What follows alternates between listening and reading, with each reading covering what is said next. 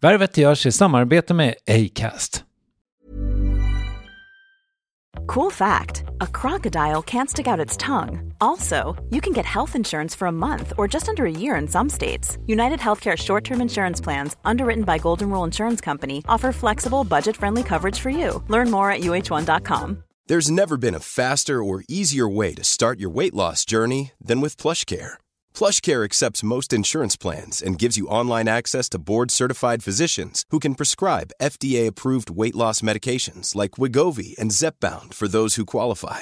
Take charge of your health and speak with a board-certified physician about a weight loss plan that's right for you. Get started today at plushcare.com slash weight loss. That's plushcare.com slash weight loss. plushcare.com slash weight loss. Everyone knows therapy is great for solving problems, but getting therapy has its own problems too, like finding the right therapist, fitting into their schedule, and of course, the cost.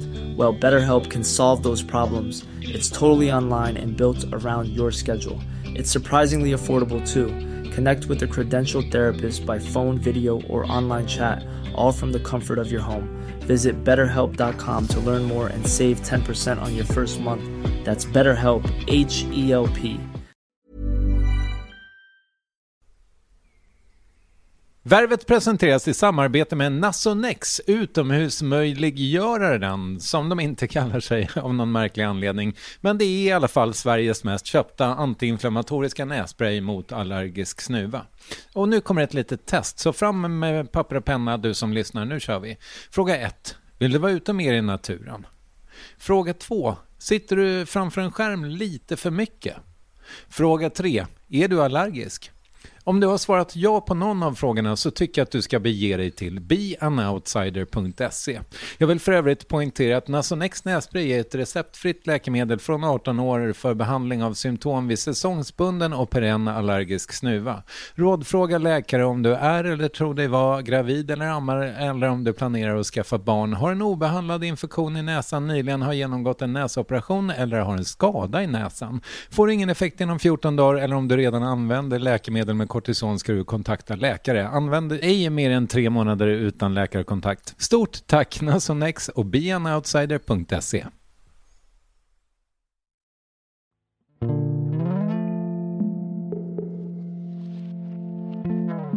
Nu blir jag lite känslosam, men, men eh, jag är trött på att alltid ska pratas om vad man, vad man inte, inte klarar. Och att få honom att flytta dit och bo i ett eget rum och så ringer jag dit och då säger de ibland nej Viggo kan inte prata nu, han eh, dammsuger rummet. För han kommer inte bli bäst i Sverige på multiplikationstabellen liksom. Men han behöver lära sig livet.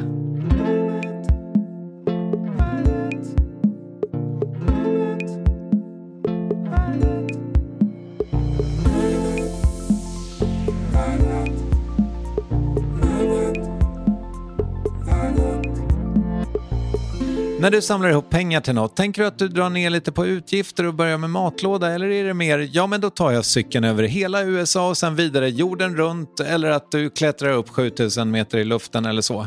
Måns Möller är förvisso komiker men han är också extremt driven i att föra upp NPF-diagnoser på agendan med sin Viggo Foundation och det har tagit honom till märkliga platser där folk till exempel blir sjuka av att andas in, ja, avföring. Det och att oroa sig för huruvida ens barn kommer att klara sig själv i livet och den stundande turnén är sånt som avhandlas med Måns Möller i Värvet avsnitt 603.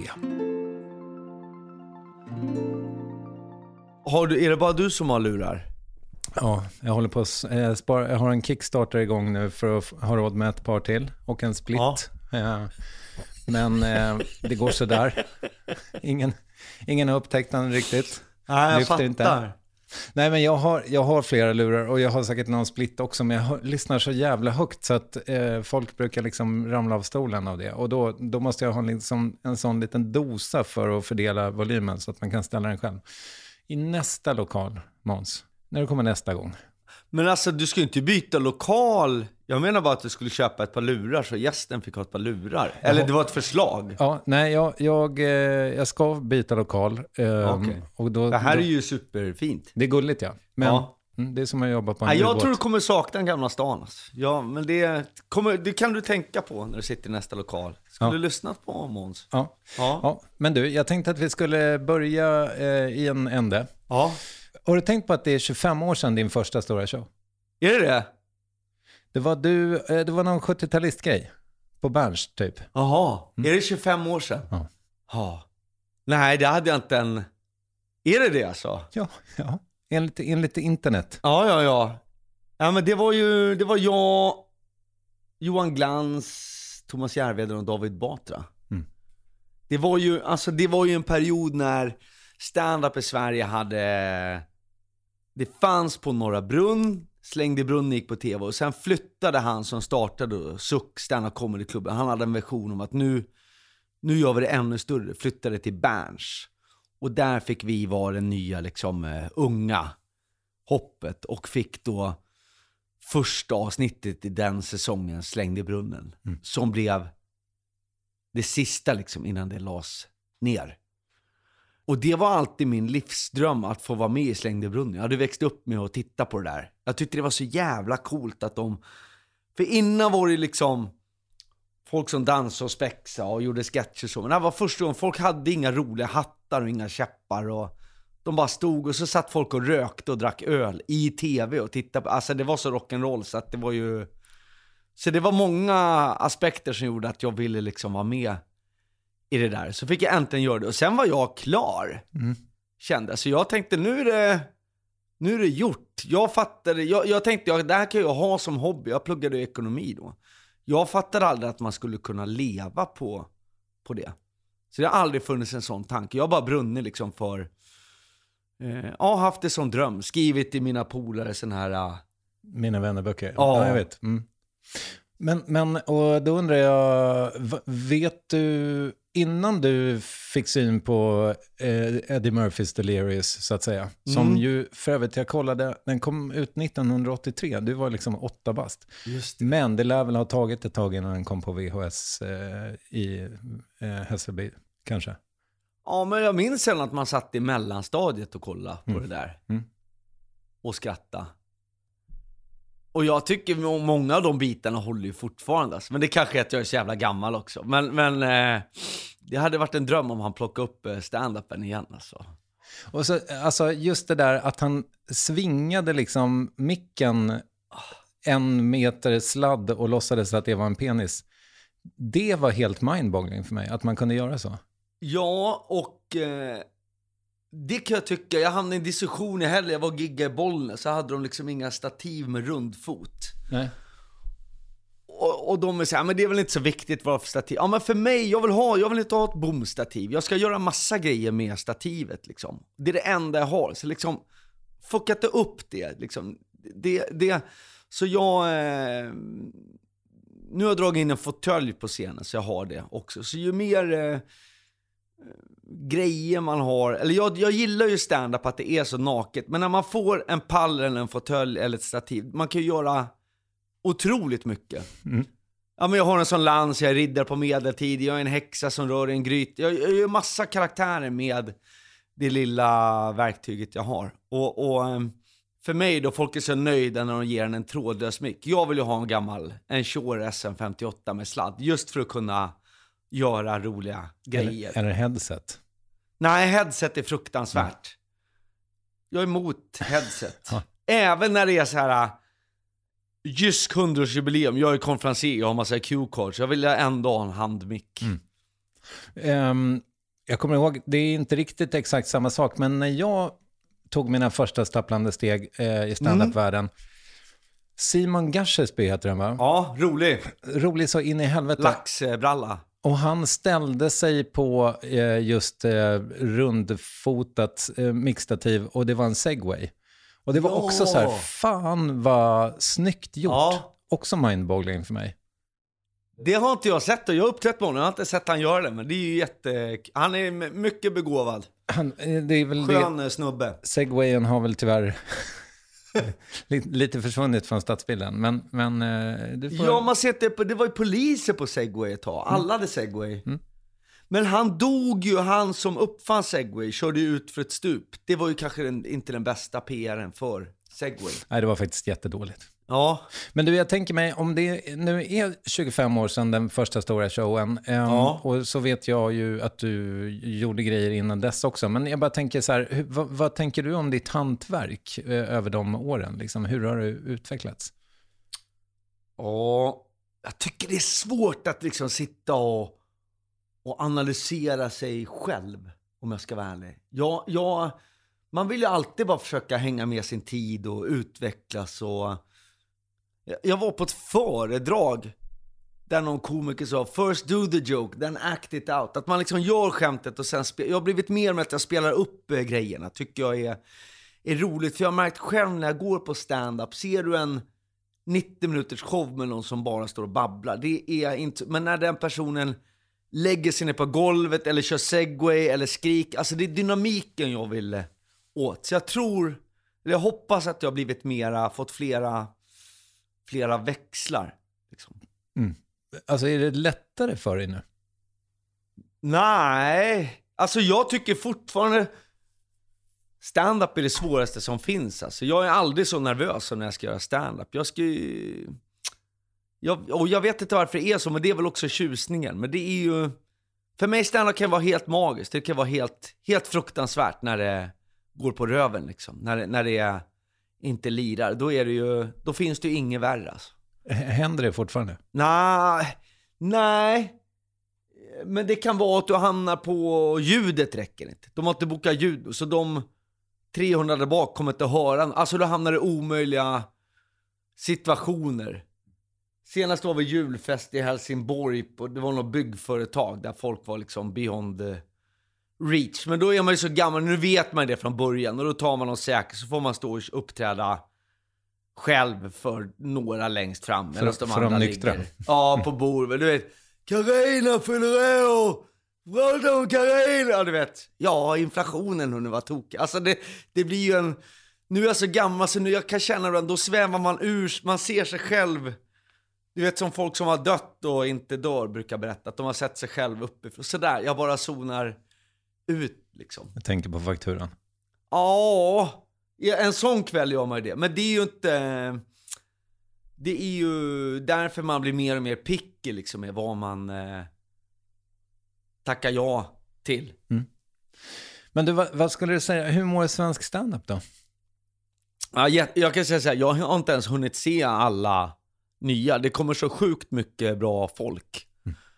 Alltså nu kan det säga så här, folk säger, ja men jag var och körde på Herr Blå igår och jag vet inte ens vad det är för klubb, för det är någon ny klubb. Alltså innan så fanns det, vi pratade om när jag var på Berns, då fanns det Norra Brunn och Berns i Stockholm. Och innan dess fanns det bara Norra Brunn. Alltså, Ja, den här gamla stan som alla... ja, Västermans. Ja. eh, Han, du, han du vara där? Nej, nej, nej, nej. För din tid. Ja. Så jag var ju liksom, jag var yngst i Sverige när jag var, började. Jag var ju den första ur liksom nästa generation, kan man säga så? Inte första, alltså Batra och Glans var ju de blev upptäckta via någon talangjakt där Lenny Norman satt i juryn. Och sen kom jag. Liksom. Och du är ju något år yngre än dem också. Eller ett par Ja. kanske till och med. Ja. Men det är, ju- det är ju intressant att eh, det verkligen har explo- exploderat. Alltså det är så himla mycket stand-up som görs varje dag. Ja. Och när jag, när jag började då, då var ju stand-up Alltså när man la ner Släng i brunnen, då var det ett skällsord. Så fort du var på en hemmafest folk frågade vad gör du? Jag är komiker. liksom. Man fick ändå säga det för det var det man levde på. Då skulle alla berätta hur dålig svensk standup var. Eh, alltid, ja sådär. Så att det har ju svängt eh, liksom. Man kunde känna då att fan det är det är liksom bättre än vad Ni har inte, alltså för alla hade en åsikt men väldigt få hade varit och kollat och nu... Nej, jag, jag tycker liksom... Jag har ändå kollat på stand-up i många... På många ställen på jorden. Jag, jag, har haft det som... Jag har levt stand alltså åkt runt på... Alltså många har ju varit i Edinburgh, men samma festival i Montreal, Just for Laughs, eller man är i, runt i världen och kollar stand Jag tycker svensk stand-up håller hög klass alltså. Så jag, jag tycker det är många duktiga hantverkare där ute. Fast jag är jättestolt. Eh, Jag tycker det är, det är fantastiskt att det, att det säljer och att det, nu, nu går vi in i tuffare tider. Nu får man ju se liksom vad som händer. Och många ska ut. Det finns inte plats för, för alla jämt. Men eh, jag tänkte fan, jag måste slänga mig ut liksom en ny, ny föreställning och sådär. Så det, det, jag satt i två i natt och skrev. Det, det gör jag inte om jag inte har en deadline. Så för mig är det ett sätt att, att hänga med också. Mm. Du vet ju själv, det, annars blir man bekväm. Man kör sina bästa grejer och åker runt. Och sen helt plötsligt så har man en, en gammal akt och det är inte lika kul som det var för två år sedan. Liksom. Mm. Men eh, och är det liksom den, är det det svåra för dig att sitta och, och skriva dem? Skämten? Ja. Mm. Och det, det, har vi inte en tradition. Man hör de stora komiker i USA som har liksom stora manusteam som bara sitter och... Men jag, jag sitter gärna och spånar med någon, men jag, jag har svårt att läsa upp vad andra har, alltså tyvärr. Mm.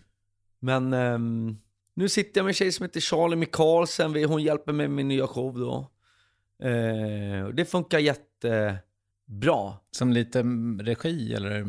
Ja, manus. eller manusfix. Hon har lite samma livssituation som jag med barn, barn i samma sits och sådär. Och, och, det ska ju handla lite om och, hur det är att ha ett barn med, med autism och sådär. Så vi har lite, ja. Vi jobbade ihop på den här tv-serien Superunga jag gjorde för Utbildningsradion. Just det. Ja. Mm. Fem år sedan. Ja, det kanske alltså jag, Det är en av eh, eh, mina grejer. Jag kan ju inte tid liksom. Nej, jag vet. Det, det, är också en intressant grej med dig och bristen på konsekvenstänk. Och jag tänkte att vi skulle prata lite om det. Mm. Men först måste jag hämta resten av kaffet. Ja, det var gott eh, kaffe med den här mjölken du pratade ner. Den var jättegod. Ja. Nej men för mig, ska jag spåna med någon så är det bäst att spåna med eh, någon som har ett annat perspektiv liksom. Det blir liksom, eh, nej men jag sitter inte med en annan vit, snart 50 år, alltså utan det är kul att vara få olika inputs vad folk tycker. Hur är din process då? Hur ser den ut? Gör du små anteckningar i telefonen eller? Ja, nu har jag precis hittat en knapp på om du och jag ska börja spåna, då öppnar jag ett dokument som kanske heter gängvåld. Mm. Så spånar vi och sen så delar jag det dokumentet med dig och sen så kommer jag på grejer. Nu har jag precis hittat den här uh, mikrofonknappen. När man kan trycka på mikrofonen och så blir det text. Mm. Det är ju helt... Uh, för mig som är så oteknisk, jag tycker det är helt eh, suveränt alltså. Så då kan du sitta i bilen och fundera ja. på gängvåld? Ja. Mm. Jag kom på igår, jag vill ha en ny show, nu ska jag inte berätta det men jag gör det ändå, det är ändå så långt kvar tills den har premiär. Att det börjar med att den här tjejen jag spånade med, hon var på dejt på seriös speedigt och hamnade med en lärare. Han sa, ah, men vad gör, jobbar du med? Jag är lärare. Jaha, vilken årskurs? hon, då sa nej men okej, okay, jag kanske inte är lärare, jag är rastvakt, sa han då. Och då skrattade vi väldigt mycket åt det där, att det är så roligt om man ändå har börjat en dejt, man ljuger att man är lärare. Och sen krävs det bara en enda motfråga, sen är det så här, man lägger sig, nej men okej, jag ljög, jag är rastvakt. Mm. Så då ringde jag en kille, Kristoffer Bendixen, jag bara tryck en sån här rastvakts reflexväst till mig. För jag vill vara rastvakt i min show. Mm.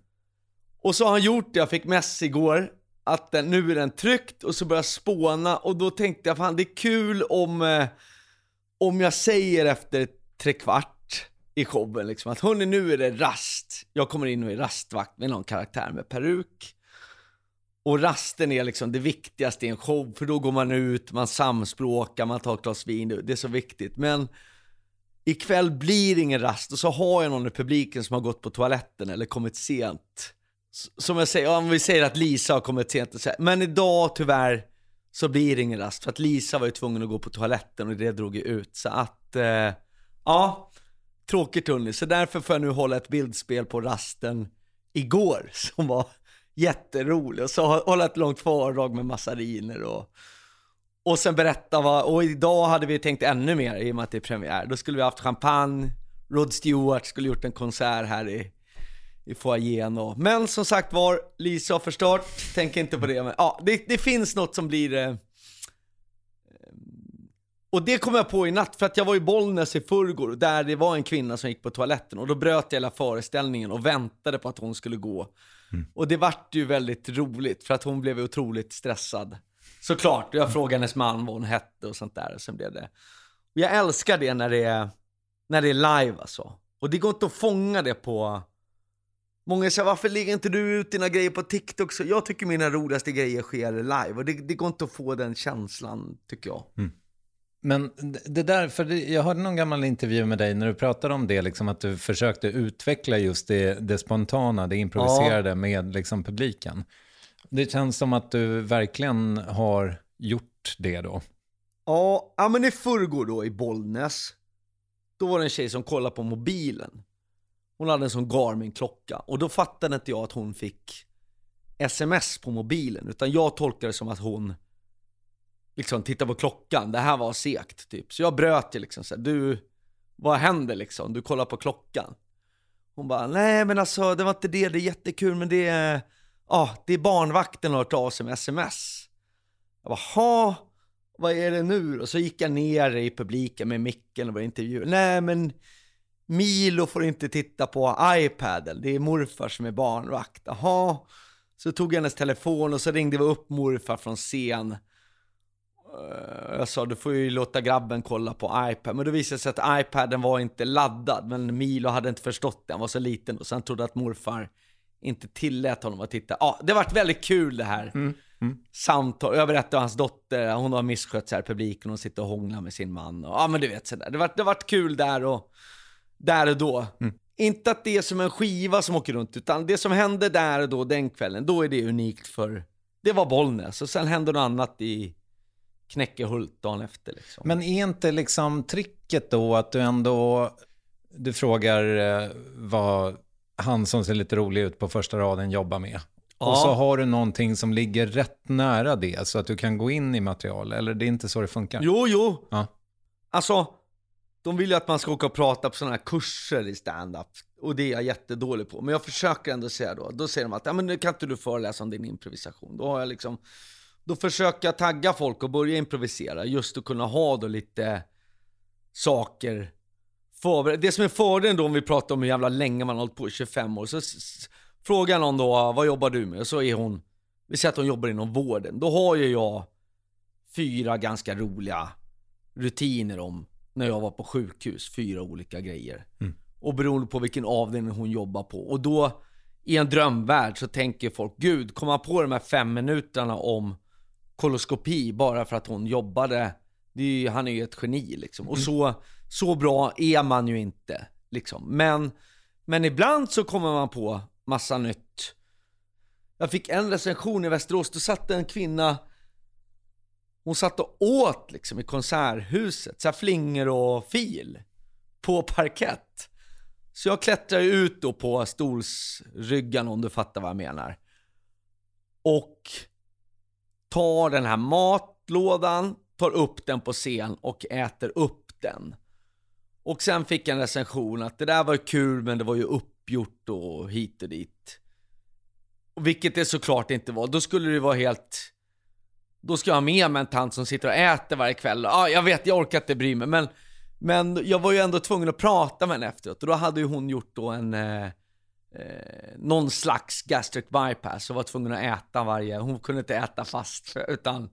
Ja, hon kunde äta lite flytande en gång i, i timmen. Så hennes mat åt jag upp. Men hon var ju glad ändå. Hon dog ju inte. Men det var, det var kul. Tur. Men finns det sådana grejer så här, alltså finns det saker som du tänker så här, som du har sett på vägarna eller på festivaler eller sådär, som fan, det där har jag kvar att och liksom utveckla eller? Ja men nu i nya shower ska jag försöka sjunga. Jag kan inte sjunga, men jag har ändå kommit över tröskeln, jag blir tvungen att sjunga hela Diggiloo-turnén. Och som sagt, nu tror inte jag att jag kan sjunga, men Ja men man måste, man, jag tror jag vågar lite mer. För att jag har kommit till det att om folk märker att jag slänger mig ut och att jag tycker det är kul och är lite nervös för att det inte, för det är lätt att bara vara i sin comfort zone, så man måste liksom ut tror jag lite. Men det var kul att du tog upp det här med eh, sången, för jag hade ändå tänkt att vi skulle prata om det faktum att du hamnade på Adolf Fredriks musikklasser. Det är väl från mellanstadiet va? Ja. Alltså, ja just det, precis från fyran. Ja. Var det du som drev Nej, på det? nej, nej, nej. När jag spelade fotboll och var helt normal, det var mina, min syrra gick där. Okej. Och eh, mina föräldrar tyckte att det var en bra idé. Vad blev det av syrran? Jo, hon jobbar med mergers acquisitions, alltså företagsförvärv och sånt där. Ja, hon har ett riktigt jobb med lön liksom. Och eh, hade bra betyg och hon är helt... Alla tänker, har han en syster, hon måste vara helt väck, men hon är jättesmart alltså.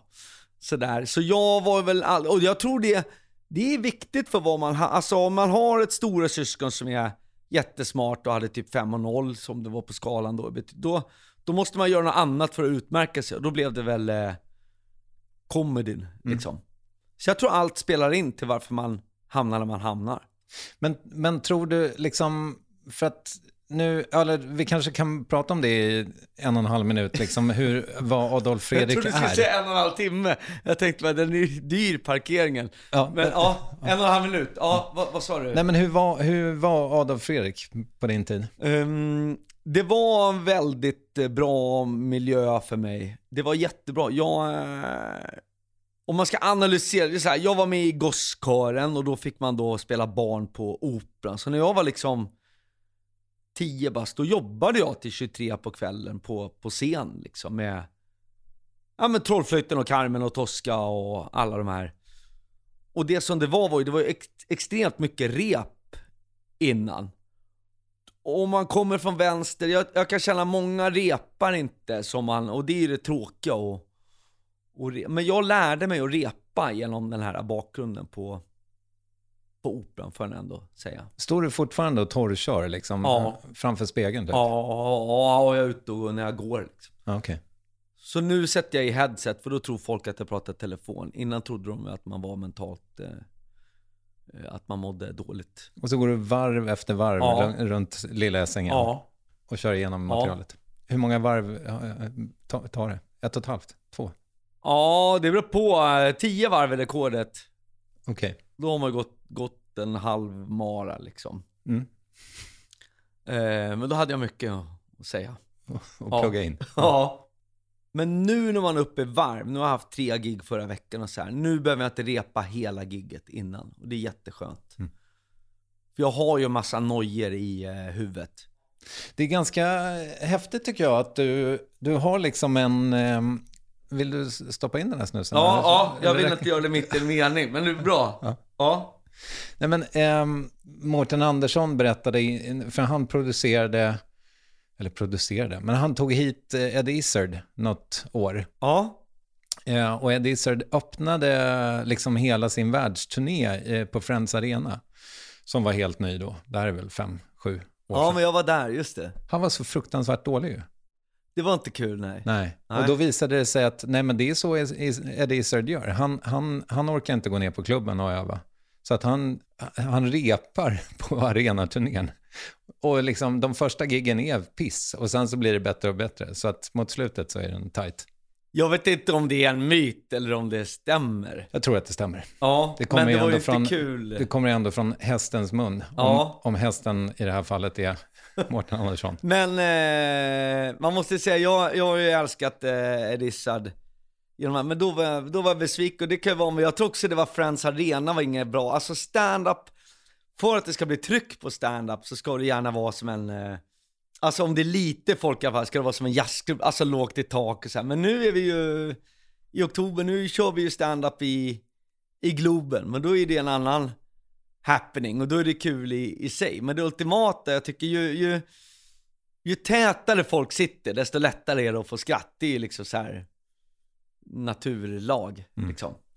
Men du, jo, eh, anledningen till att jag ville prata om eh, Adolf Fredrik var ju liksom att, okej, vi har den här uh, unge mannen då som skriver att han vill bli komiker i, Ja. i, i kompisarnas, kompisarnas Mina vännerböcker. Liksom. Ja. Men, men fanns det någon plan B eller fanns det någon plan A innan det här? Liksom?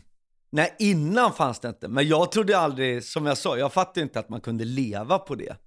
Så jag har ju pluggat ekonomi på universitetet och, och sen så kände jag innan jag skulle skriva, C- alltså jag, var, jag hade skrivit C-uppsats då, att innan jag skulle skriva den där sista uppsatsen och börja söka jobb, att jag ville ändå prova det här comedy-grejen.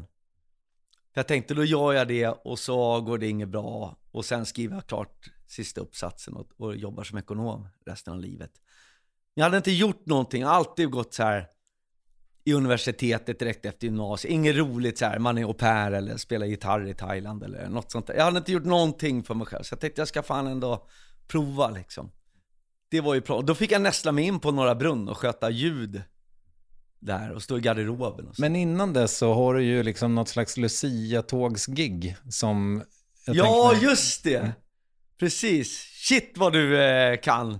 Ja, jag har ju glömt min egen historia. Precis, det var på Djurgården. Då var vi, då var vi några grabbar som sjöng eh, Lucia-tåg och sånt där. Och då provade jag genom att vi stod och sjöng, för det tyckte folk var bra. Det var ju bra. Och sen kunde jag stå kvar och köra stand-up i, i Lucia-linnet. Och hur liksom. gammal är du då? 18, 20? Ja, något sånt där alltså. För eh, om jag har gjort matten rätt så är du ju typ 23 när det lossnar för dig som komiker. Ja, jag vet inte, men det borde ju stämma då, ja, precis. Men lossna, jo, då hade jag gig på Berns. Då fick jag betalt 8 kronor på faktura per besökare. Oj, det är ändå bra.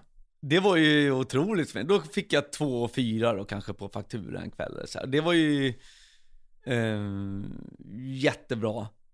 Eh, men det var ju ändå inte som man fick ihop en hel lön. Eh, så ja, men sen fick jag liksom ett företagsjobb via de här suck. Jag minns att jag stod på Spybar och körde för några säljare. Och då, då gick det upp för mig att jaha, det är så här folk lever på det här. De lever inte på de där åtta kronorna, utan då finns det liksom en hel... Jag hade inte fattat någonting. Eh, och då insåg jag, men fan, det kommer ju gå att- att leva på det här. Liksom.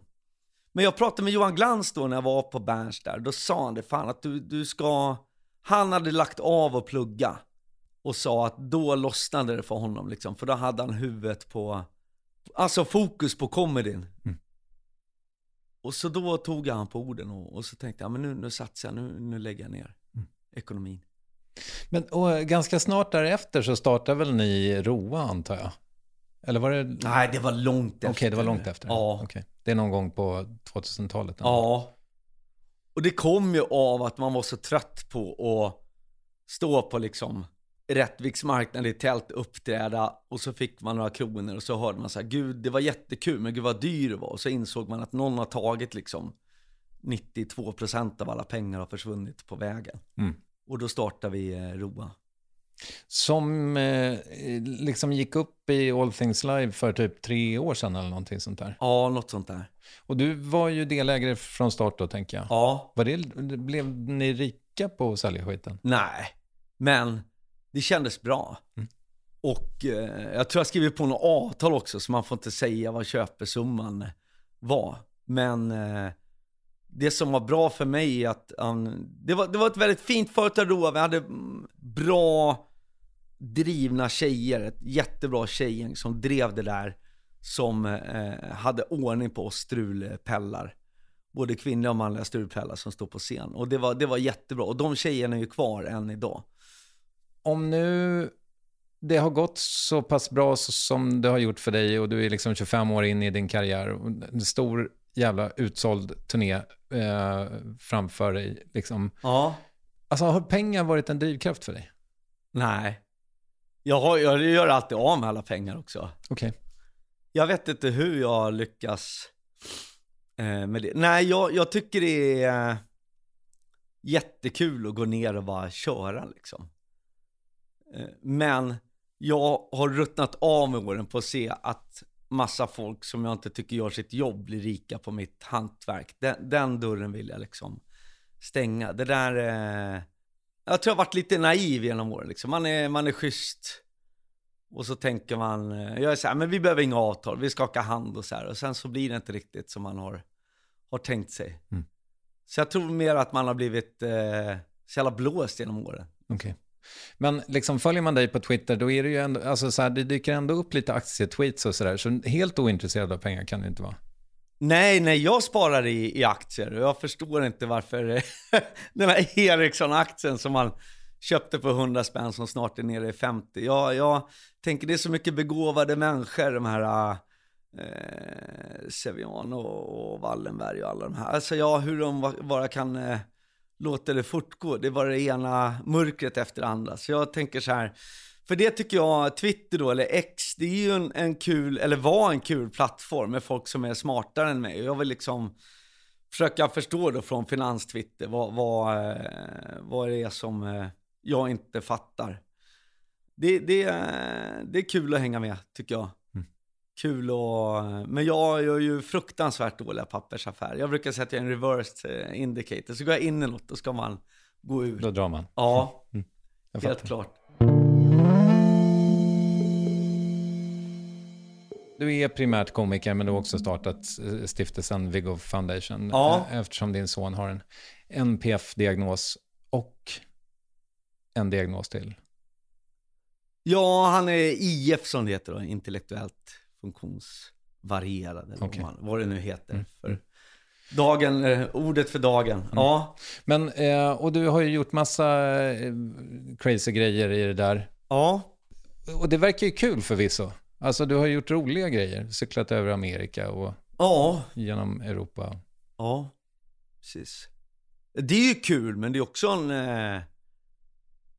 Alltså nu senast var jag på ett berg som heter Peak Lenin här för några veckor sedan. Och det var ju tufft liksom.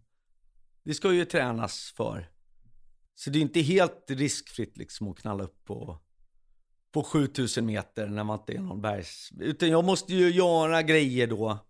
Jag finansierar de här grejerna själv och så försöker jag samla in pengar till stiftelsen. Och sen gör vi fina grejer, gör läger och sånt. För. Fanns det inget enklare sätt? Nej. Typ så här, halloj, eh, Jag har provat med så här arvsfonden och sånt där. Och Okej. de vill säga, nej men du är redan igång, vi är bara till nya projekt. Och... Nej, jag har känt ett otroligt eh, motstånd. Samtidigt som jag har känt att folk tycker att det är bra grejer vi gör. Och vill, eh, är beredda att, att ställa upp och skänka liksom. Och då säger folk så här, men varför ska du gå upp på det där berget? Gör, eh, jobba istället de här tre veckorna och sätt in pengarna direkt. Men då blir det ju ingen uppmärksamhet. Jag vill ju uppmärksamma de här barnen och de här frågorna. Så det, det, stiftelsen har ju flera syften. Mm. Ehm, och just om du då åker ner till och gör ett företagsgig men pengarna går till stiftelsen, då får du inte heller, det, det är liksom ingen som skriver om det. Nej, men om jag, om jag tar de pengarna och så eh, sätter jag ihop ett team och vi cyklar eh, 600 mil på 28 dagar och slår oss in i Guinness rekordbok, då blir det ju lite surr kring det. Liksom. Eh, och så fler upptäcker stiftelsen och, och vad vi gör och sådär. Och, och fokuset är ju, det var ju grunden att visa liksom, för jag var ju en vanlig utarbetad funkisförälder som eh, höll på att gå i väggen och, och liksom att eh, jag blev så förbannad när min grabb inte fick vara med i, eh, i skidskolan. Jag, jag, jag, jag var där eh, och hade anmält oss. Och så, bara så ni vet, han har inget språk liksom, men han tycker det blir jättekul. Och då var de så här, men vadå? då? Nej men han har autism. Jaha, nej men vi är inte utbildade för autism och här kan du inte, nej men prova friluftsfrämjande. Ja, så då fick vi inte vara med för att jag hade sagt att han hade autism. Och då, det var så det började, då blev jag så jävla förbannad. Så jag tänkte så här, fan, de här barnen de går liksom inte in i paraidrotten för de sitter inte i rullstol och inte, utan de här med intellektuellt funktionshinder, de, eh, de hamnar liksom mellan, eh, mellan stolarna.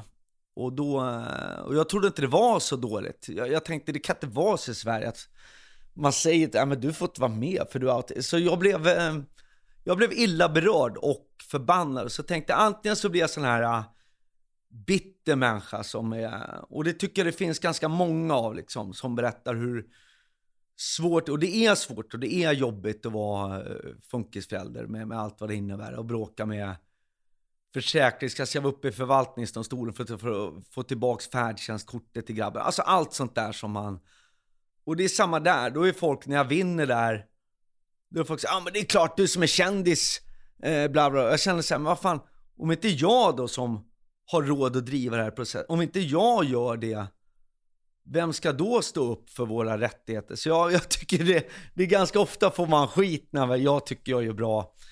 Eh, det finns en oerhörd eh, bitterhet och jag vill ju liksom sätta fingret på vad de här barnen klarar. Liksom. De, de, de gör otroligt eh, häftigt. Som min grabb, han kunde ju inte, han kunde ju inte springa vanligt. Han kunde inte springa för han hade sådana motoriska svårigheter och då kämpar vi med det där. Sen träffade jag en fantastisk människa, Christer Skog, som eh, har coachat mig till alla de här Vasaloppen och allt. Och han sa, vad fan, vi tar ut Viggo i skogen, för där måste han lyfta på fötterna, annars kommer han slå i dem med rötter. Och så börjar vi springa. Och så för mig då göra det här Viggoloppet, när han och andra barn springer och får medalj, det blir liksom, det blir så jävla seger från, från att folk säger, att han kommer aldrig kunna springa och sådär. Och, och folk ställer upp, eh, typ David Sundin ringde, vad fan, eh, jag vill hjälpa till och kommer ut eh, och står med en megafon i två timmar och, och hurrar på varenda unge som går i mål. Och, och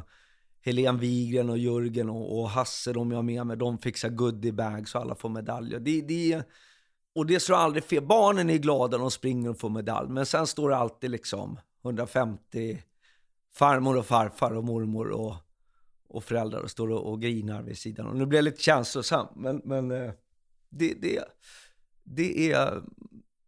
Jag är trött på att alltid ska pratas om vad man, vad man inte, inte klarar.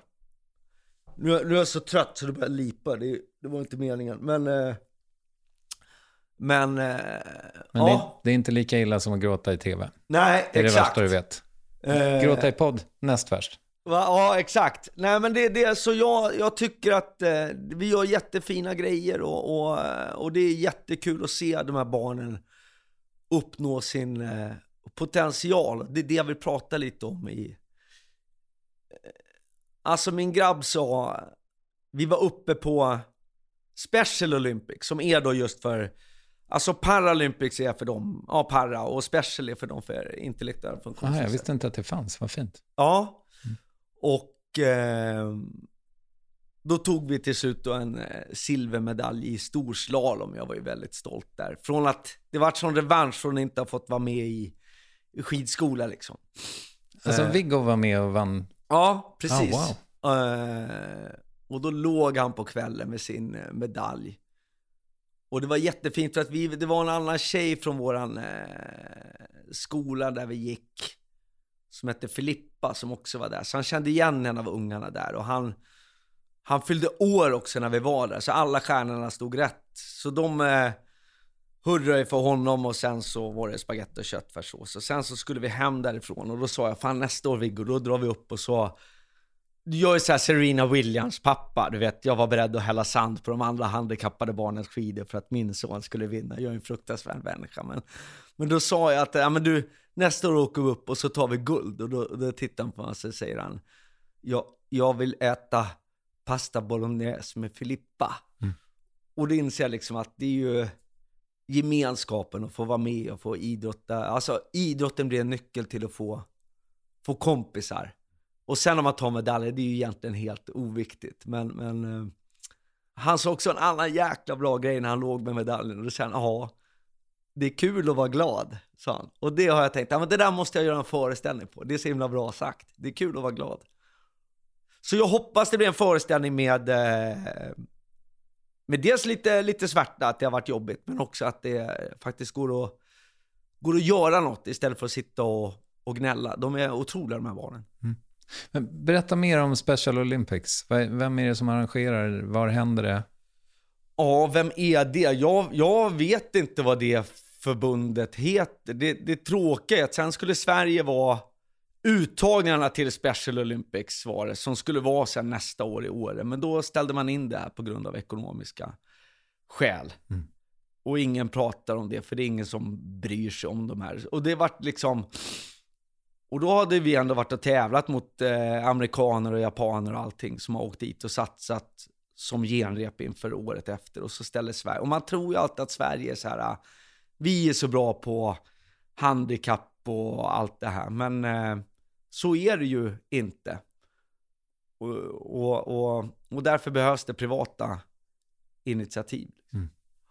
Ja, fan vad trist. Ja. Uh, jag funderar på en sak, alltså Viggo borde närma sig 18. Ja. Mm.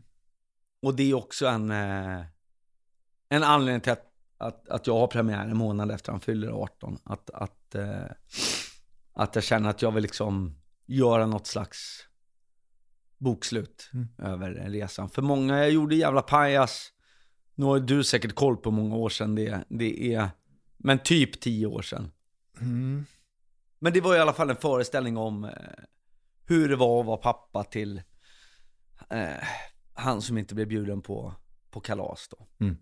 Helt enkelt. Och, och sen har ju många undrat hur det, hur det har gått och så. Och det vill jag göra en Vet du vad, det är tio år sedan. Ja, Så, det är tio år sedan. Mm. Ja. Ehm, Så, ehm, Du kan ju. ja men nej, det var någon annan i någon annan intervju som sa att och jag var som du, va? Är det tio år sedan? Jag trodde det var så sex år sedan. Men, så att ehm, det ska liksom bli en, eh, ja, en avslutande, jag vill stä- stänga liksom. För det finns så många som har barn som är, är yngre än Viggo i samma situation, som undrar liksom lite hur, eh, hur det blir, allting. Mm. Och det har ju alla som har barn liksom, eh, du berättade om, eh, då har jag en 15-åring liksom att, att eh, oavsett om det är diagnos, man är alltid lite orolig, hur ska det gå såklart? Och sådär, det har väl alla föräldrar. Mm. Och sen blir det lite extra då när man kanske har ett barn som inte kommer få ett vanligt jobb eller sådär. Det blir ju flytta hemifrån, eh, ska man ensam, kommer man få en tjej? Alltså det finns ju jättemånga frågor som man går och grubblar på. Mm. Ja. Och vad, vad tänker du om det här då? Liksom, för nu är det något slags internat under gymnasiet eller? Ja, jag... Eh... åh, gud, det låter så jävla präktig. Men jag har gjort en del eh, välgörenhetsgig genom åren och ett av dem var att jag skulle åka till eh, Hälsingland och försöka samla in pengar till eh, killar med intellektuell funktionsnedsättning som spelade fotboll. De hette det okända landslaget. Zlatan hade betalt VM och nu var det EM och de hade inga pengar. Och Och Zlatans pengar var slut? Ja, Ja, ja. Synd. jag, jag vet inte, men eh, nej, men jag menar inte att kasta skit, jag menar mer att det var fint att han hade betalt deras VM, VM-resa. Eh, och, och, och då var jag där i, eh, i Hälsingland i Bollnäs och då fick jag syn på deras eh, idrottsgymnasium de hade där uppe, som är det enda i Sverige för personer med intellektuell funktionsnedsättning. Och då, då hade jag det där i bakhuvudet sen när min grabb skulle välja gymnasium. För han älskar ju att sporta. Viggo mår som bäst när han får röra på sig. Och då, då tänkte jag, men det kanske är karma att jag ändå har gjort några bra grejer i mitt liv.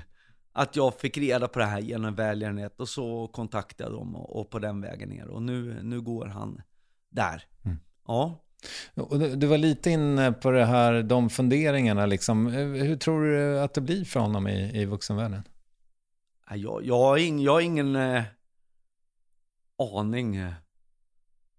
Alltså jag tror så här, jag är som de flesta, att har man ett barn som kanske har svårt att knäppa knapparna på gylfen, då ibland när det är morgon och stressigt, då, då gör man det för att man har inte tid att vänta och sådär. Det blir en del ofrivillig curling. Alltså all hjälp som jag ger honom, som han egentligen skulle klara själv, det är ju inte hjälp, det är ju hjälp liksom. Och att få honom att flytta dit och bo i ett eget rum och så ringa dit och då säger de ibland, nej Viggo kan inte prata nu, han eh, dammsuger rummet.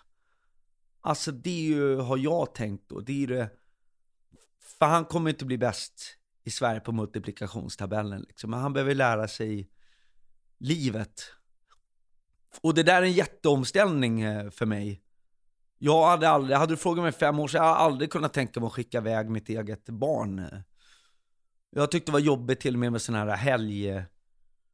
Kortis som det heter, korttidsboende. Jag tänkte så här, men varför har man det? Har man skaffat barn, tar man hand om sitt barn själv. Men sen förklarar de för mig att men det här är liksom inskolning till att komma hemifrån. För att du kommer inte leva för allt och att försöka flytta någon som är 25-30 år och aldrig varit hemifrån till någon, det blir katastrof. Så du måste, du måste börja och det är inskolning. Så det är sådana såna frågor. Sådana resonemang man har. Nu trivs han, alltså vi var ju i, eh, i Thailand. Han älskar och många, många av Mattias Moinen, de är fixerade vid Min grabbs grej nu är, det har ju varit bilar, men nu är det att hälla saker. Så han sitter på stranden och häller sand på en sån här stor gunga, en planka liksom, vid havet. Och han har glass i andra handen. Alltså nu, nu är det väl bra Viggo när vi är här. Och då tittar man så här, ja, Viggo vill till Bollnäs. och, och då kände jag, men då är det ju, då trivs han ju där i Bollnäs om han längtar dit. Så att då är det ändå någonting rätt. Mm. Ja. Fint. Ja. Du, i ditt föräldraskap, liksom, du var lite på det här med barnvakt och så. Vilka, vilka människor runt dig har varit viktigast? Dels har min mamma som har varit helt eh, fantastisk. Hon är ju pedagog också, så hon har ju lärt honom. Ja, hon är jättesmart. Eh, alltså till exempel, de lägger pussel ihop. Då började hon med att lägga hela pusslet. Och så tog hon bort en bit. Och då fick han lägga i den sista biten. Och så belöning då hela tiden. Åh, bra, fick han russin. Och sen så ta bort två bitar. Lägga i två bitar. Bra! Ta bort tre bitar. Och nu sitter han och lägger pussel, precis som vanliga barn gör. Fast han har lärt sig det baklänges om du fattar. Alltså sådana... Så jag har otrolig respekt för de här, äh, ja för mamma såklart, men för pedagoger. Alltså det finns sjukt mycket bra folk i de här verksamheterna som är kraftigt eh, underbetalda, som, som eh, får så lite cred, tycker jag. Och det är därför jag vågar slänga mig ut på turné nu. Nu vet jag att nu har han det bra där i, i två år till. Så nu vågar jag satsa och göra en turné. Mm. Annars vågar jag inte det, för då kan det bli att jag måste liksom vara hemma. Så att jag, jag försöker ju, jag vill ju vara ute på turné och spela för fulla konserter, men jag vill också vara liksom en bra farsa. Och det, det är väl därav titeln, liksom, mitt perfekta liv. Att man räcker ju aldrig, aldrig till. Och fler människor som har varit viktiga Ja, för förlåt. Tack, jag tappade ju tråden direkt. Eh, ja, men eh, ja, Viggos mamma såklart. Eh, men Viggos, eh, han har ju en eh, storebror som är helt fantastisk. Eh, Isak som hjälper mig och Viggo har ett eget, många av de här barnen har ett eget språk. Och jag förstår eh, inte alltid, så ibland får jag ringa Isak och så får han tolka till mig vad Viggo menar. Mm. Eh, Så han, de har någon connection där som jag inte har med Viggo. Det är ju inget att vara avundsjuk på, det är bara att embracea det liksom. Mm. Och, och sen finns det jättemånga duktiga, ja men alltså jag kan ju, Mona på dagiset var ju helt, eller förskolan som det var ju helt fantastisk. Vi har eh, har haft många duktiga lärare, Gio i, i eh, Rösjöskolan, eh, vi har eh, Alltså Giovanni, vi har Johan i, på Nya Elementar. Eh, Det finns jättemycket fina, duktiga, och Jenny och Sabine. Och, jag kan eh, räkna upp eh, hur många som helst egentligen. Och det är det, när man har ett litet barn med autism, då eh, är det som hjälper det intensiv eh, Eh, beteendeterapi. Man ska träna över 30 timmar i veckan. Det var ju det som knäckte mig och kanske vårt förhållande och Sara, Saras, eh, Viggos mamma. Att det, Alltså man jobbar heltid båda två, och sen ska du sitta och träna ditt barn 30 timmar i veckan. Det går inte ihop och det... Då var, blev man ju tvungen att dra ihop ett, eh, ett team av folk. Som du pratar, vad händer med pengarna? Ja, pengarna... Alltid kan man försöka få det via landsting, eller så hyr man egna experter och drar till Uppsala för 1800 spänn i timmen och så här. Då rinner det iväg ganska fort. Så att det finns, det finns ställen att, att stoppa pengarna i, har det gjort. Och, och alla har inte den möjligheten tyvärr. Jag har ju också gjort sjukt många, alltså experimentella, du vet folk är så här, ja men han ska andas eh, syrgas i en trycktank för 2000 spänn i timmen. Han ska ju, alltså jag har ju provat... Eh, varför ska han göra det? Nej, det är inget jag rekommenderar, men det är sånt jag har provat. Eh, hyperbar, oxygenterapi. Jag, jag, jag har provat massa grejer och jag säger varken bra eller, eller dåligt. Det här är ju, men man är ju en, man är ju, man är ju beredd att göra allt för sitt barn, helt enkelt. Och eh, kommer någon och säger, men vi gjorde det här och man ser bilder på Ja men du vet, det går någon dokumentär, någon unge rider på en häst genom Mongoliet och lär sig prata. Ja, men då, då är man ju beredd att nu gjorde jag inte just det, men du vet sådana, man tänker, men tänk om det, om det funkar liksom. Och sen inser man väl att vi har ju jätteduktiga forskare i Sverige. Och eh, det blir ändå precis som eh, om vi pratar covid eller sånt där, att man, man får ändå gå till till vetenskapen. Liksom. Vad kan, det finns faktiskt folk som är utbildade, som forskar och jobbar, seriösa människor. Det, det blir ändå där, där man hamnar, eller jag hamnar till slut. Liksom. Att jag, jag tror inte det finns någon konspiration att man inte vill hjälpa de här barnen, utan jag tror faktiskt att eh, Gillberg och alla de här som forskar och gör bra att de vill barnens eh, bästa och att de, eh, ja. Mm. Och du, du har ju varit på eh, politikerna lite tidigare och sådär. Jag vet att du tyckte att Gustav Fridolin var på någonting och sen försvann han och sådär. Hur, är det, hur, är liksom, vad, hur ser du på det där idag? Uh, nej men han var engagerad ett tag och, uh, faktiskt och, och uh, honom var inget ont att, att säga. Jag tror att han när han var uh, skol... Minister? Ja. Mm. Eller ja, det, jag tror det hette utbildningsminister ja, då, men whatever. Mm. han var ju inför att vi måste hjälpa de här barnen och fler speciallärare och, och så vidare. Och det, det är ju... de här barnen, många, alltså nu pratar vi ju gängkriminalitet och hur har de här ungdomarna hamnat. Och det är ju ofta barn med diagnoser på det här spektrat som man har inte så mycket man vill vara till lags, man har svårt att säga nej. Eh, jag ser på mina läger, eh, det är samma om vi pratar eh, grooming och pedofiler och, och, sånt där. Att det är liksom, det är ju ofta de här barnen, man har inga vänner, man söker sig på nätet, man blir jätteglad att någon kille svarar som lurar en att ta bilder och sen så har jag liksom barn på läger som är, är 11 år och försökt ta livet av sig. Alltså det, det det är, det, det um, så det är inte bara liksom, eh, det, det hänger ihop uh, allting. Så jag tror att vi måste våga fånga upp de här barnen. Och vi ser ju nu uh, fler och fler uh, hemmasittare blir ju resultatet när vi, när vi skär ner på det här. Så det, och jag tycker för mig är det ingen uh, höger-vänster-fråga för att det blir liksom det blir en samhällskostnad om vi inte tar tag i de här. Och alla, oavsett politisk färg, vill att samhällets pengar ska räcka så långt som möjligt. Och gör man det, men om man gör en budget längre än bara nästa val, då, då är det en samhällsvinst. Och, och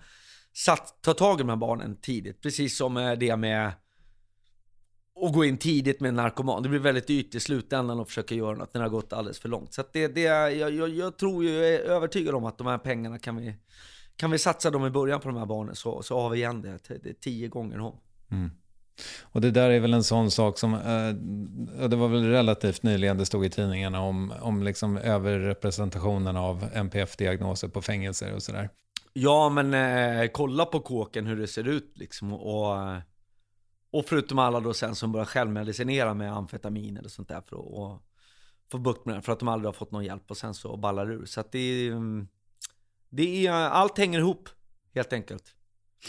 Men nu blev det ju ganska tunga puckar. Jag vill ju liksom lyfta också det som är, är bra med det här. Och när man ser hur eh, Ja men om jag pratar om den här tjejen som försökte begå alltså att hon faktiskt åkte på läger, fick kompisar och de har kontakt efter lägret och det liksom det, det finns jättefina historier.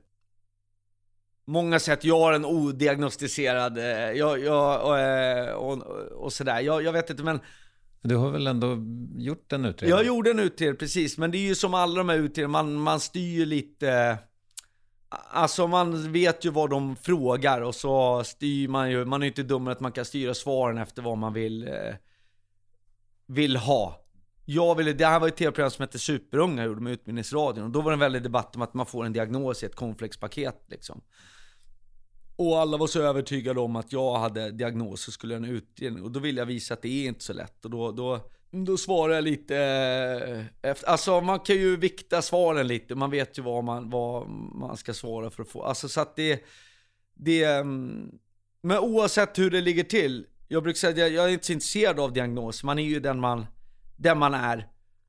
Att eh, kunna ta vara på att man har massa energi och springa upp på ett berg samtidigt som man eh, driver några företag och gör olika grejer. Alltså det, ju, det, finns ju bra grejer med att ha massa energi och det spritter i kroppen och kreativitet och sånt där. Så det, det är så mycket fokus på det negativa tycker jag. Jag tror det, eh, ger vi de här människorna lite självförtroende och säger det är okej okay att vara så här och, och, så vidare, då kan det bli jättebra. Men jag, jag är lite mot det här att det är en superkraft att det är så himla bra och så. För, och man får inte säga funktionshindrad, man måste säga variera. Och då känner man, varför ska samhället gå in och hjälpa om det inte är ett hinder, om det inte är en svårighet? Det blir lite konstig debatt det där. Det blir liksom, jag gjorde den här tv-serien, äh, träffade en tjej som sa, jag har Asperger. Jag sa, då säger jag, nej, det heter autism typ två eller tre eller ett eller vad man har döpt om det till. Och då säger hon, ja ja det kanske det heter men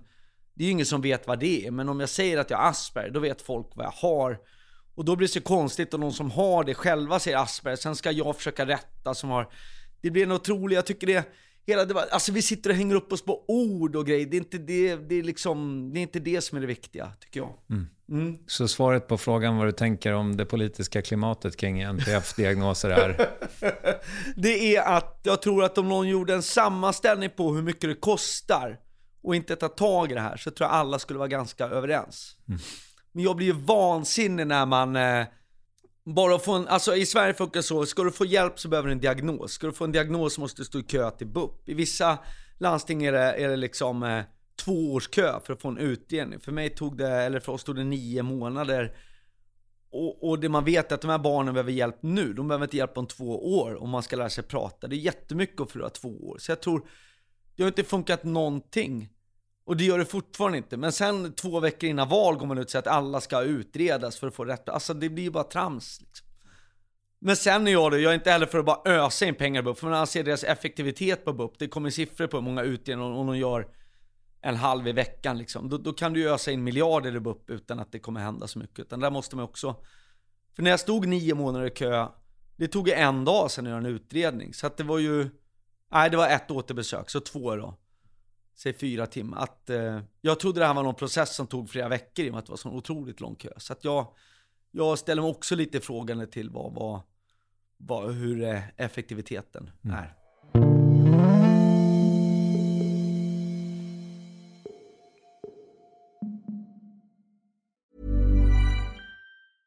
Ready to pop the question? The jewelers at BlueNile.com have got sparkle down to a science with beautiful lab-grown diamonds worthy of your most brilliant moments. Their lab-grown diamonds are independently graded and guaranteed identical to natural diamonds, and they're ready to ship to your door. Go to Bluenile.com and use promo code LISTEN to get $50 off your purchase of $500 or more. That's code LISTEN at Bluenile.com for $50 off. Bluenile.com code LISTEN. There's never been a faster or easier way to start your weight loss journey than with PlushCare. PlushCare accepts most insurance plans and gives you online access to board certified physicians who can prescribe FDA approved weight loss medications like Wigovi and Zepbound for those who qualify.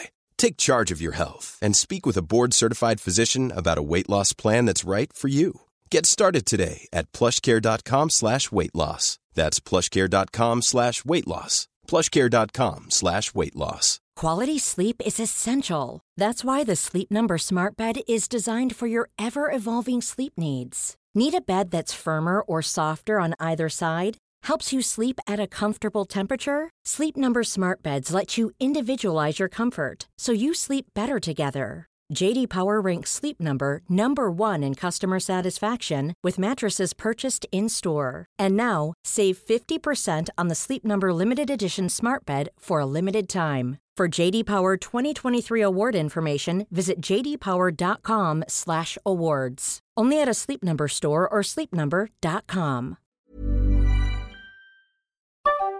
Yes, ny sponsor. Värvet presenteras i samarbete med Sveabank. Och jag menar inte att ta ner stämningen, men dessvärre är ju lågkonjunkturen här, vilket innebär att de flesta branscher har det tufft och också väldigt många privatpersoner. Jag vet själv vad det är att ha en trasslig privatekonomi. Det var struligt i många år för mig och låg ofta post i hallen med trista logotyper i ena hörnet och jag hade också i flera års tid ett helt gäng betalningsanmärkningar. Och tyvärr är det nog många som har det svårt att få ihop till räkningarna just nu, som har hamnat i ekonomiskt trubbel. Och det är här Svea Bank kan kliva in med något som kallas skuldfinansiering. Där löser de skulder hos inkasso och till Kronofogden och till och med om Kronofogden vill sälja ditt boende har Svea Bank möjlighet att hjälpa till. I den här tjänsten får du en personlig handläggare som gör en grundlig genomgång av din ekonomiska situation, de tar kontakt med dina kreditgivare och när ett lån beviljats löser de dina skulder skulder åt dig och samla dem i ett enda lån med en avbetalningsplan som din ekonomi klarar av. För om du har hamnat i klister, du är inte ensam och kanske kan det här hjälpa dig. På svea.com skuldfinans kan du läsa mer. Tack Sveabank! Du, du nämnde dina föreläsningar. Är det, vad, vad, vad gör du där? Är det olika grejer eller? Ja, idag ska jag till Karlskrona efter det här. Uh, föreläsa om att sätta mål och sånt där. Okej. Okay. Ja. Uh, det kommer av, jag, jag har ju uppträtt med, eller uppträtt, jag har föreläst med Dan Hasson, en docent i stress. Och jag har ju alltid för mycket att göra och jag har haft honom som personligt bollplank i många år. Och sen så tog han med mig på sina föreläsningar och sen började vi göra en grej ihop som heter Öka, öka livet. Och där är mycket då inom modern stresshantering att, att just sätta mål för att kunna också välja vad är det man ska välja bort. Mm. För att kunna prioritera och sånt där. Det är ingen rocket science men eh, och hur gör man i en grupp om man ska Ja, slå ett världsrekord och cykla 600 mil ihop på viss tid. Hur, hur tänker man i en grupp och sådär. Och, och jag känner, jag kan stå för det, för jag har ändå gjort de här expeditionerna och lärt mig mycket under vägen och fått eh, mycket bra... Ja, men jag har sett för mig då Christer Skogen Idol, han, han eh, som har varit expeditionsledare på de flesta av mina, han är ju förbundskapten nu för, eh, faktiskt för Saudiarabien i, i längdskidor. Man har haft Sverige, Australien, USA. Han är, han är erkänt eh, duktig. Och jag ser hur han har jobbat med mig för att få mig att göra 10 Vasalopp på 10 dagar. Jag hade i princip aldrig åkt längdskidor och, och sådär. Och, och, och, hur han jobbar med, med de här barnen på Viggo Foundation-lägren och så. Det, jag, jag har lärt mig mycket, så jag försöker ta vissa sno vissa bitar av sådana smartare människor jag jobbat med och försöka hålla ett föredrag hur, hur det blev så att jag har gjort de grejerna jag har gjort lite grann. Så det är ganska hands-on liksom. Det är inte floskler utan det är bara så här, så här gjorde jag och så här tänker jag. Liksom. Och, eh, hur har du det själv med stresshanteringen idag då? Jag har alltid en plan och sen eh, ballar det ur. Alltså jag kom hem från Tadzjikistan och Kirgizistan på det här berget. Jag var helt slut. Och då ringde Discovery med det här, åk jorden runt. Och det var för roligt för att säga nej till. Och jag visste att det skulle bli för mycket innan. Men jag kunde inte säga nej liksom. Och så landar jag i England efter 40 dagar, då hinner jag inte ens hem och tvätta, då ska jag vidare på nästa eh, tv-projekt för SVT ute i Europa. Så alla andra åkte hem, vi var helt slut. Jag skulle vidare och filma. Och sen landar jag ett på natten efter det och så har jag premiär i Tierp på ny föreställning och nu har jag varit ledig. Eh, igår var jag ledig. Det, det, är väl därför jag sitter här och grinar din på. Jag är helt slut. Så att jag, ja, nu ska jag till Karlskrona efter det här. Så att jag, jag rör ju till livet. Um, och vad har du för verktyg för att inte gå in i väggen helt då? Det har eh, blivit mitt verktyg att åka på de här expeditionerna. Så är jag då på ett berg i Tadzjikistan och Kirgizistan, det tog tre veckor. Där har jag ingen täckning och då fattar alla att man kan inte nå mig med superviktiga saker. Så det har blivit mitt eh, andningshål också, att göra de här projekten. Och ingen gnäller, för de vet att ja, det är för en bra, bra sak. Jag driver in pengarna till stiftelsen. Så att det är... Det har ju många funktioner där. Och då har jag också ett så för mig är alltid målet nästa stora projekt. Vad är nästa stora projekt? Ja, det var, jag, jag förstår, jag la ju upp det för den frågan. Eh, jag, jag har ju några bollar igång och dels är det då att jag håller på att cykla runt, runt jorden. Jag har cyklat över USA, jag cyklade över Europa från Atlanten in i Ryssland och sen har jag fortsatt in i Ryssland från Uralbergen till jag kommer till Novosibirsk har jag kommit nu. Så om jag cyklar ut till Vladivostok, alltså mot Kina till, då har jag gjort jorden runt på den här breddgraden. Men, men nu tror jag inte att jag kan cykla i Ryssland och att folk eh, skulle tycka det var en bra idé att skänka pengar. Så det projektet står lite, lite still. Har du en cykel parkerad där någonstans? Nej, jag tar med mig den eh, hem. Eh, men det var intressant att komma till Novosibirsk i Sibirien på en cykel för att de hade aldrig sett en racercykel, så de sket ju i mig. Men om jag gick in och åt en macka på en vägkrog eller så, då, då stod det liksom 12 pers utanför och fotade cykeln när jag kom ut. Så det var ju helt, eh, helt sjukt eh, att ha fått uppleva det. Nu har jag börjat klättra berg. Jag började i smyg, jag var på Ararat, eh, alltså Kurdistan. Eh, det är här där man säger att Noas ark eh, ligger, 5000 meter. Och där var jag ju, då insåg jag, jag är verkligen dålig på att klättra i, i berg. Och sen åkte jag till Kilimanjaro, det var knappt sex. Bara för att värma upp. Och sen, men det la jag inte ut. Och sen gjorde jag en, en utmaning att jag skulle upp på det här Peak, Peak Lenin som är 7 och, och 1. Så tar jag ett berg så måste jag upp på, på 8000 då. Oj. Ehm, Då finns det inte så många va? Nej, precis. Då blir det ju till eh, Nepal. Men jag är också lite skraj ska jag säga. Jag, jag hade en... Eh... Nu sitter jag och funderar på om jag ska berätta det här, för då vet jag att... Eh... När man gör de här grejerna, om det blir så här påkörd av en lastbil i Ryssland eller sånt där, då, då kanske du inte berättar det alltid, för då blir folk oroliga hemma när du är på nästa projekt. Men... Eh... Men jag, jag hade en grej att vi skulle ner för det här berget första gången. Man går ju upp och ner, upp och ner för att akklimatisera sig. Och då, då var det ett ställe, det ligger fasta rep på berg. Eh, och jag hade en kärpa med och jag hade en rysk guide. Och då skulle vi, och jag kan ju inte bergsklättring, jag är helt värdelös. Men då skulle man kroka fast sig på det här repet på något sätt och gå ner. Då lossnade det ankaret, helt enkelt. Men då, ju, då, då hade jag ju, eh, den där ryssen hade ju inte koll. Den där kärpan berättade hur man skulle ha, ha gjort. Och också berättade han att de ankarna i Nepal, de sitter i, eh, i varandra. Så lossnar ett så sitter det ett högre upp. Men så var det inte här. De här var inte heller aluminium. De här hade de typ gjort själva i basecamp i Kirgizistan. Så det ska inte... Och även extanket loss. Det, det ska liksom typ inte gå om man gör det rätt. Men det man känner är att oavsett vad man har för kärp, man måste ju ha som koll själv att man inte hamnar där. När man har barn. Det är en grej om man går upp och inte har barn och skiter i allt och så här, men man måste vara lite, jag måste bli lite smartare. Helt enkelt. Men du är, det, det kliar dig i kroppen, vill du upp igen? Ehm, nej, men jag har ju också det att jag måste ju få in... eh,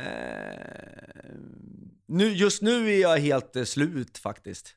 Jag ska bara sam, eh, bryta igen och, vad säger man? Bryta ihop och komma igen. Och sen vill man göra något. Ja. Och eh, när det kommer till klättringen så då finns det ju, men finns det inte någon så här grej att man bestiger all, de högsta bergen på alla kontinenter eller något sånt? Jo, precis. Kan det vara något för dig? Seven eh, Summits. Just det. Men då, eh, då får du ju... Alltså ett berg tar ju sin... Ja, om man inte är som han på Netflix som går upp på berg efter berg efter berg. Vad han nu heter. Eh, precis. Ja men som Kilimanjaro räknas in i Seven Summits för att det är i Afrikas högsta liksom. Nu var det mer en promenad. Fast det- alltså det, man ska ha respekt för det är hög höjd, men det är ju ingen klättring liksom. De flesta som inte klarade eller är där, de blev ju dåliga i... Oh, nu blir det lite äckligt, men folk, folk bajsar överallt och så torkar det där i solen och det blåser runt sånt där damm. Så folk blir ju sjuka och vattnet är ju inte rent och så. Så det blir ju... Folk blir magsjuka, men de flesta hade ju klarat om de var friska liksom. Men Seven Summits, ja, jag, jag tänkte göra Sydamerikas högsta 6 och 9, men då hittade jag Peak Lenin där det var säsong på 7 och 1. Så jag vet inte om man vill åka runt och göra lägre berg när man har, jag vet inte. Ehm, nej, jag tror jag vill högre. Ja. Vi ska, vi ska lägga på, men jag Ja. tänkte fråga, vad, vad liksom, eh, framtiden, vad, vad ser du fram emot? Ja men nu är det nya showen. Det ska bli jättekul. Och jag tycker jag har så mycket kul eh, idéer liksom. Ja men om jag gör det rätt så känns det som att ha liksom en stor... Eh, att man har liksom en riktigt bra present som man ska ge bort. Så jag, eh, jag ska ut eh, och testa massa skämt fram till jul. Och sen så ska jag sätta ihop allt. Och så är det premiär i, i mars på Cirkus. Sen åker jag ner till till Göteborg på Lorensbergsteatern. Men du, eh, Måns, stort tack för att du kom hit och fan lycka till med turnén. Ja, men tack. Kommer du eller? Jag kommer jättegärna. Härligt. Gött mos!